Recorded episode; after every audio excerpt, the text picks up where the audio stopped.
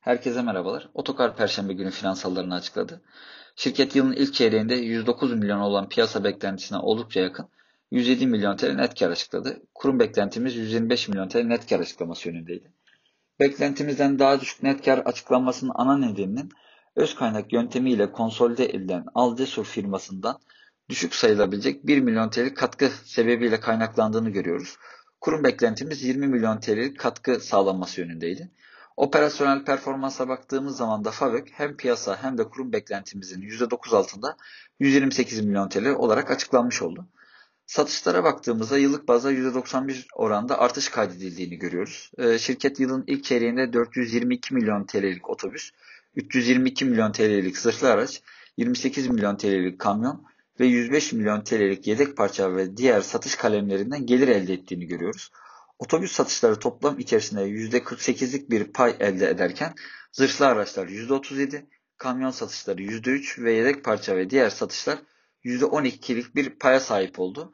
İhracat gelirleri yıllık bazda %71 artış kaydedip 503 milyon TL seviyesinde açıklandı ve toplam satışlar içerisinde %57'lik bir e, dilim elde etti.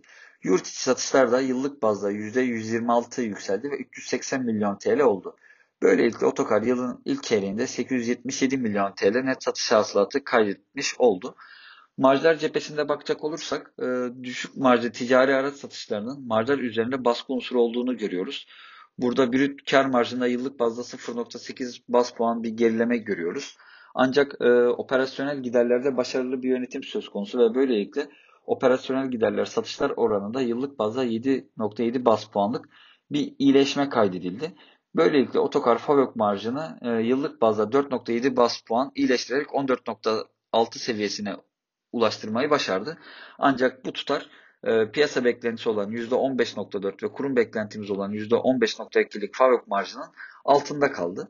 Bilanço tarafına bakacak olursak 24 Mart tarihinde dağıtılan 400 milyon TL'lik nakit temettü sebebiyle şirketin e, net borç tarafında 300 milyon TL'lik bir artış yaşandığını görüyoruz ve şirketin net borcunun 1 milyar 635 milyon TL'ye yükseldiğini görüyoruz.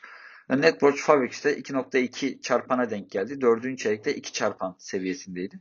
E, işletme sermayesine bakacak olursak otokarın işletme sermayesinin 2 milyar 175 milyon TL'den 2 milyar 144 milyon TL düştüğünü görüyoruz ve işletme sermayesi satışlar oranının %64 mertebesinde gerçekleştiğini görüyoruz ki bu rakamın hala e, yüksek olduğunu söyleyebiliriz otokar cephesi için.